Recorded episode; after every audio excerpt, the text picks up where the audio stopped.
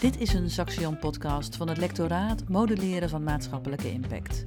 Vandaag gaat Michel Linnebank in gesprek met Hans Dingemansen, directeur Leger des Heils Reclassering, en Ingrid Brandwacht, teamleider van de opleiding Sociaal-Juridische Dienstverlening. In deze aflevering gaat het over de nazorg van ex-gedetineerden. Welkom eh, Hans en Ingrid eh, bij deze podcast. We gaan het vandaag hebben over nazorg van uh, ex-gedetineerden.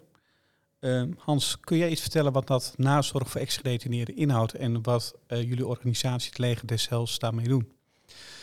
Um, dat, dat, zou je vrij breed op, op kunnen vatten. De smalle variant is, uh, gemeenten zijn verantwoordelijk voor de nazorg aan ex-gedetineerden. Dat betekent dat er um, voordat iemand vrijkomt een signaal naar de gemeente gaat, er komt iemand van uit uw gemeente vrij, nou, dat en dat is er aan de hand, nou, wat gaat er georganiseerd worden.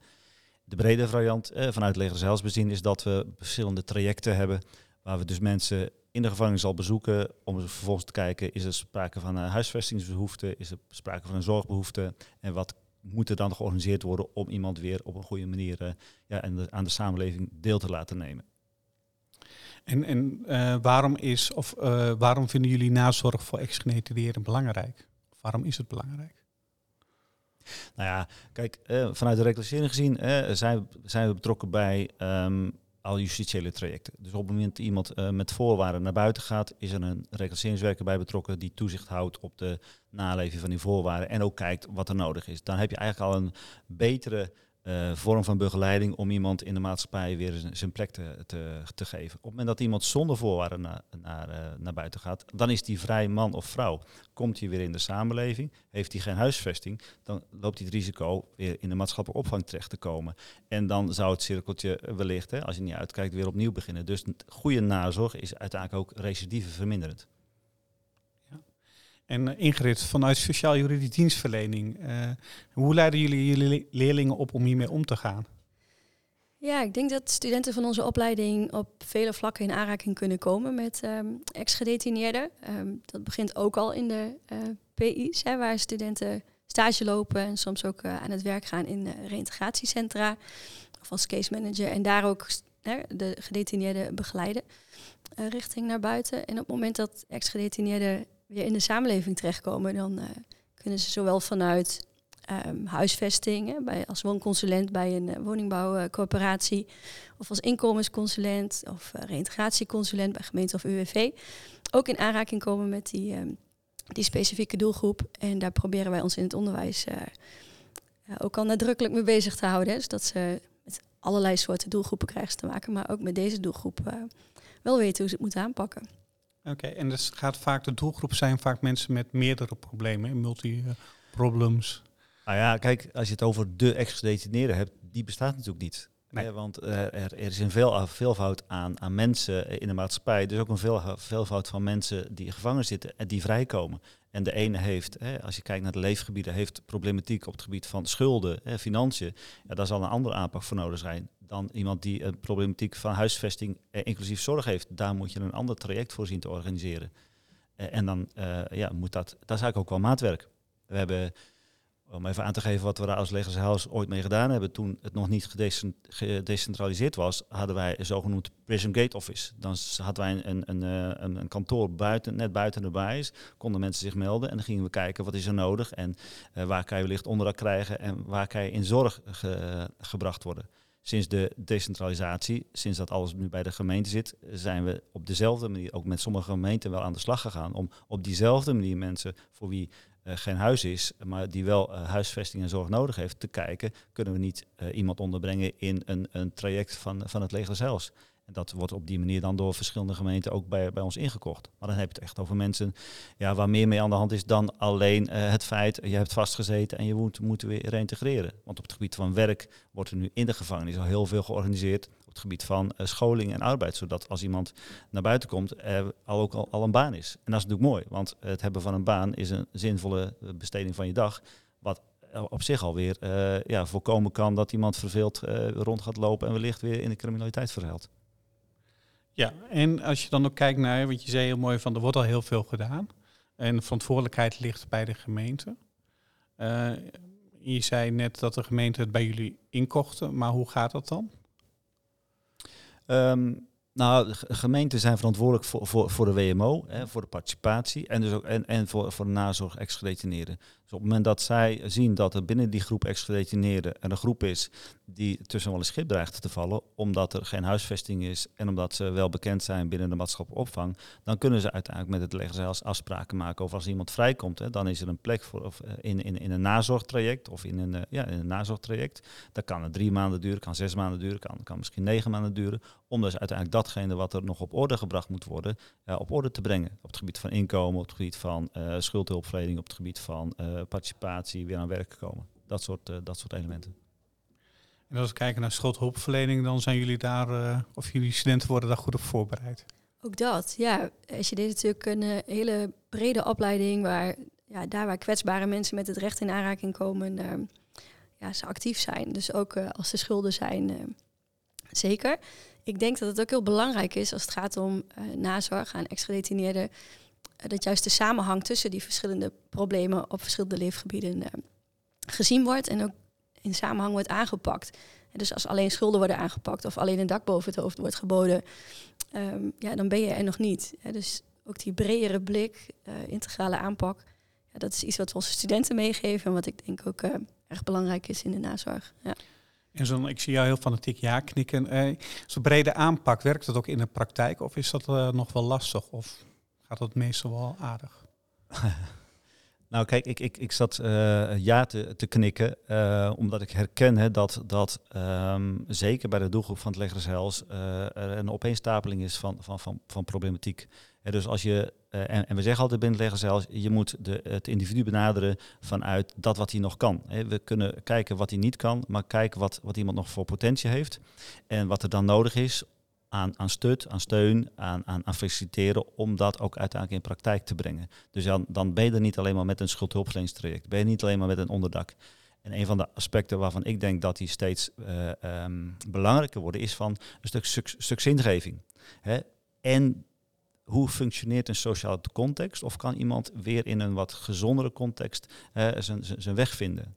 Um, want heel vaak zie je dat mensen die vastgezeten hebben of die al wat langer uh, en, in de criminaliteit zijn. Um, dat hele netwerk wat ze hadden, wat, wat vanuit de familie wellicht nog was, gewoon uh, kwijtgeraakt zijn. Hè, ja. Wat heel belangrijk is om uh, weer, weer op te proberen te bouwen. Of misschien een nieuw sociaal netwerk proberen te creëren. En wat we dan bijvoorbeeld nu aan het, aan het proberen zijn. Vanuit Legershuis hebben we de zogenaamde buurthuiskamers. En we proberen mensen die uh, ja, binnen, vanuit detentie komen. En die eigenlijk niet zoveel veel sociale steun nog hebben proberen eh, in zo'n buurthuiskamer te laten komen. Om daar uiteindelijk onderdeel te worden van, ja, van, van de wijk of van de buurt. En, en wat uh, ja, uh, contact op te doen. En misschien ook vrijwilligerswerk te gaan doen als ze nog geen, nog geen baan hebben. En ik zie je heel, ook weer, jou weer nu wederom heel enthousiast uh, ja knikken. Herken je dat? Zeg je van, god, dat zijn ook elementen die wij terugzien in onze opleiding. Of daar hebben we heel veel aandacht, geven aandacht voor? Ja, ik denk dat totaalpakket en ook de zingeving daarin uh, enorm belangrijk is. En ik denk zeker als iemand um, ook geen huisvesting meer heeft om naar terug te keren, dat, dat die dus ook geen kring meer om zich heen heeft uh, in, in die woonomgeving. En, en dat het dan extra essentieel is een plek te creëren waar ze, waar ze wel, nou, in ieder geval ook het idee hebben, ik ben niet helemaal alleen. En ik vind de cijfers best wel um, hoog. Hè? Als je kijkt naar hoeveel mensen recidiveren, toch weer, volgens mij is het ongeveer 50% uh, die na een detentie toch weer um, ja, de fout in gaat, of in ieder geval uh, verkeerde keuzes maakt. En ik geloof zelfs ook uh, 27% of zo die, uh, die uiteindelijk weer een vrijheidsstraf krijgt. Um, dus er is nog wel wat winst te behalen. Dus ik denk dat, dat alle goede initiatieven die er nu zijn en hoe wij onze studenten opleiden om ja, in de breedte problematiek aan te pakken en de mens hè, centraal te stellen en te zorgen voor zingeving, werkvoldoening daaruit, um, er nogal nou ja, wat te behalen is. Dat er nog wel wat uh, werk aan de, winkel is. En dat hoe de samenleving er op dit moment voor staat, uh, daar niet per se aan bijdraagt. Hè? Dat, uh, dat het gewoon allemaal wel heel pittig is. Ja. Um, ja, ik wil bijna zeggen, ik, ik, zie, ik zag je net ook een beetje bij de cijfers zo kijken van, nou, is het zo, kloppen de cijfers jawel, een beetje? Jawel, zo, zo ongeveer. Ja. Het, is, het is inderdaad om bij de 45, 50 procent, wat uiteindelijk binnen drie jaar toch wel weer, weer recidiveert. Um, eh, wat, je, wat je schetst, her, herken ik. Um, en ehm, daarom spreek ik soms niet alleen over nazorg, maar uiteindelijk ook, ook over Ehm, ja, voor- en doorzorg. De, de, de bemoeienis met, met een ex-gedetineerde of met een gedetineerde begint niet pas na, nadat hij vrij is gekomen. Mensen waren al eerder een burger van een bepaalde stad, hadden al eerder een bepaalde behoefte. Dus uh, zo'n zo'n detentie is dan vaak ook een, een onderbreking van iemands leven. Voor sommige mensen, die heb ik wel eens gesproken, die vinden het meer dan oké, wat heerlijk. Dan heb ik weer warmte, heb ik weer een bepaalde structuur, wat voor sommige mensen nodig is. Maar voor veel mensen is het ook een, een onderbreking van, van, een, van een soms al opgestart of een schuldhulpverleningstraject of een zorgtraject. Um, en daarom hè, vanuit de reclassering ook wel vaker het pleidooi om um, zeker kortere, gevangenisstraffen uh, op een andere manier te, te, laten, te laten voldoen. Middels bijvoorbeeld een enkelband, zodat uiteindelijk dingen die al opgestart zijn, uiteindelijk nog, uh, ja, nog verder kunnen gaan. In plaats van dat je weer twee of drie weken of vier weken vast komt te zitten en dan weer sommige, sommige, sommige trajecten op, op, opnieuw moet gaan starten. Zeker als het gaat, gaat over schuldopverlening. Soms ben je dan in één keer een stuk motivatie kwijt, omdat er nog, ja, nog iets open stond en dan moet er iemand nog even twee weken gaan zitten. En ook alle praktische problemen die ermee samenhangen. Dat in detentie een uitkering lager wordt, waardoor ook lopende schuldregelingen niet voldaan kunnen worden. Of niet zo kunnen doorlopen als gepland. En uh, dat dat eigenlijk de problemen vergroot op het moment dat iemand weer, uh, weer buiten is. Ik ben eigenlijk wel nieuwsgierig um, in die, hè, die overgang naar de gemeente. Um, en de verantwoordelijkheid die daar nu ligt. Hoe nabij voelt dat ook voor de reclassering? Hoe is die samenwerking? Um, nou ja, wat ik net al zei, hè, op het moment dat, dat, dat iemand uh, geen juridische titel heeft, hè, dan, dan is, de bemoeien, is de bemoeienis er niet meer mee. Ik merk wel dat onze expertise soms ook door de gemeente wel gevraagd wordt om, om soms, soms mee te kijken of soms advies te geven. We hebben uiteindelijk um, um, sinds uh, dit jaar een project vanuit de reclassering 3RO, reclasseren in de PI. Wat betekent dat wij uh, reclasseringskennis uh, toevoegen aan, uh, bij de case managers die de verantwoordelijk zijn voor de detentie- en reïntegratieplannen. Dus in de gevangenis wordt voor iedere gedetineerde een detentie- en re reïntegratieplan gemaakt. Daar wordt nu door de reclasseringswerkers aan toegevoegd van nou, wat zij weten over de afdoening en over de persoon om dat tot een compleet plan te maken. Dus dat is denk ik wel een meerwaarde als het gaat over de, ja, de, de, de inhoud van, van zo'n plan. Het blijft een plan hè, en de gedetineerde die zonder toezicht vrijkomt, mag gaan en staan waar hij wil en is dan weer vrij, vrij, vrij burger. En het is belangrijk om, denk ik, ook als gemeente zijnde uh, daar ook wat op te investeren door, door daar wellicht ook vanuit de gemeente al wat meer relatie te leggen. Dus in het bestuurlijk akkoord hè, wat, wat gemaakt is, zijn daar wel afspraken over gemaakt met de VNG. Maar ik denk dat gemeenten nog wel een stap naar voren, sommige gemeenten een stap naar voren kunnen doen om daar al in, in de gevangenis het contact te leggen. Er zijn hele goede voorbeelden van, van gemeenten die echt, zeker ook met vrijwilligers zelfs, hè, uh, iedere gedetineerde bezoeker die vanuit een bepaalde plaats uh, ergens, ergens vastzit. En dan zie je ook wel dat het effect daarop wel positief is als het gaat over nou, hoe ze weer, weer landen in de, in de samenleving. Zou, zou er meer aandacht moeten zijn voor die vrijwillige nazorg? Um, ook nou vanuit ja, gemeenteperspectief? Ik denk, dat, ik denk dat de gemeente zich moet realiseren dat, dat ze daarin wel een, een, een taak hebben. En dat ze niet, niet, niet kunnen wachten totdat hij uiteindelijk weer uh, aanklopt bij de, bij de uitkeringsinstantie, omdat hij, dat hij, dat hij weer vrij is. Ja. Uh, mooi. En uh, altijd maar. Zo, we weten dat we hier, nou ja, weet dat het leger des Cels en uh, sociaal-juridische dienstverlening. Hoe goed kunnen jullie elkaar vinden in de praktijk? En de opleiding en het werkveld in deze? Ik denk dat we daar nog wel uh, een mooie brug kunnen gaan maken. Um, ik had even gespiekt ook in uh, vacatureteksten uh, binnen reclasseringsorganisaties van goh, komt SJD, Sociaal-Juridische Dienstverlening, daar af en toe terug bij bepaalde vacatures. En um, dat zie je daar eigenlijk nog niet zo staan. Dus het, het is met name ook een social work kant als het gaat om begeleidingstaken. En ik denk dat de SJD daar wel wat, wat in te brengen heeft. En net als bij social work stellen we de persoon centraal, kijken we uh, met uh, ja, goede vaardigheden om gesprekken te voeren en begeleiding en coaching te bieden naar wat iemand nodig heeft. En uh, met een bak kennis van allerlei wet en regelgeving, niet als doel op zich, maar als kaders om te kijken hoe kunnen we ja, mensen versterken in, in wat ze nodig hebben, zodat ze een betere toekomst tegemoet gaan. Dat klinkt wel heel, heel mooi, hè? Ja, maar ja, dat is natuurlijk wel wat we nastreven. Um, ja, daar kan juist die J-component die onze opleiding biedt wel, ja, wel wat, wat brengen. Dus ehm, ik gebruik hem nu ook maar even om gewoon reclame te maken. En, eh, en, en laten we met elkaar verder praten, Hans, uh, hoe we elkaar beter kunnen leren kennen in die zin. Ja.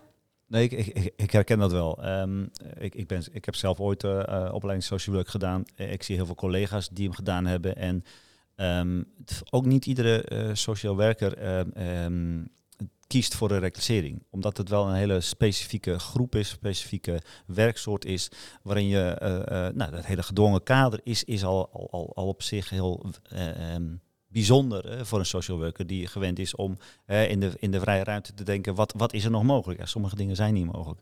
dus je, dat de agogische element zit erin. Het juridische element zit in de opleiding social works veel minder. En je ziet dus dat de basisopleiding die, die we dan geven vanuit de, de 3 Reclasseringsacademie vooral ook nog uh, gericht is op dat uh, juridische. Wellicht dat dat bij een SJD uh, ja, gesneden koek is of meer gesneden koek is. Ja. Overigens weet ik niet in hoeverre ook binnen een SJD iets over het strafrecht gedoseerd wordt. Ja, we hebben um, in Nederland zeven SJD-opleidingen. De curricula die zijn in, in hoofdmoot gelijkwaardig, want je lijkt natuurlijk voor hetzelfde diploma op. Uh, voor dezelfde professional en uh, criminologie, strafrecht zit erin. Um, daarnaast ook hè, doelgroepenkennis, achtergronden um, van gedrag, samenlevingsissues, waar criminaliteit natuurlijk ook een belangrijk onderdeel in is. En nou ja, als ik zie dat onze studenten enkele gaan naar de reclassering in Zutphen bijvoorbeeld en zijn daar enorm enthousiast. Dus het is wel vaak ook als je eerst een gesprek hebt met studenten die binnenkomen van nou, wat wil je gaan doen? En dan horen we vaak nog eerder jeugdreclassering dan uh, reclassering.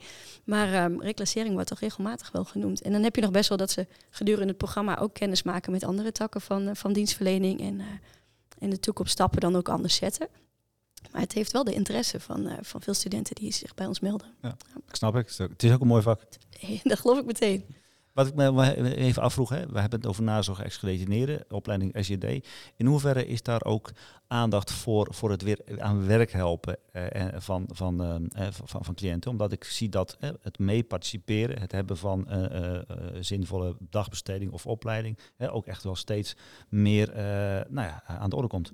Ja, dat, dat geldt voor ex-gedetineerden, maar dat geldt ook voor mensen met schuldenproblematiek of mensen die op een andere manier in een kwetsbare positie zijn terechtgekomen.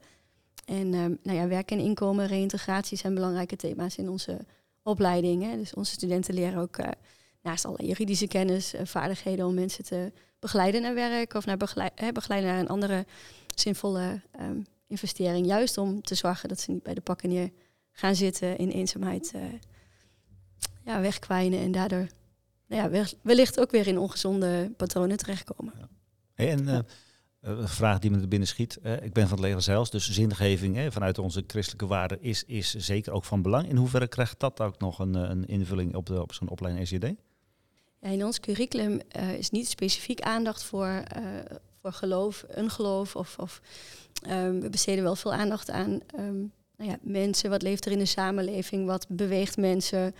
Um, ja, wat is hè, hoe raak je ook aan intrinsieke motivatie van mensen uh, om ze ook te bewegen naar wat een goede daginvulling is die past bij hen.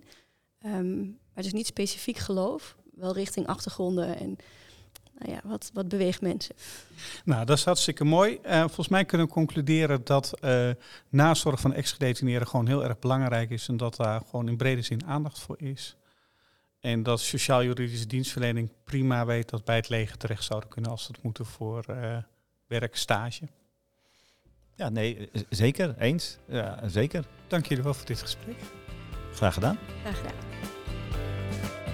Dit was een Saxion podcast van het lectoraat Moduleren van maatschappelijke impact. Voor meer podcasts bezoek de website van het lectoraat op www.saxion.nl/mmi.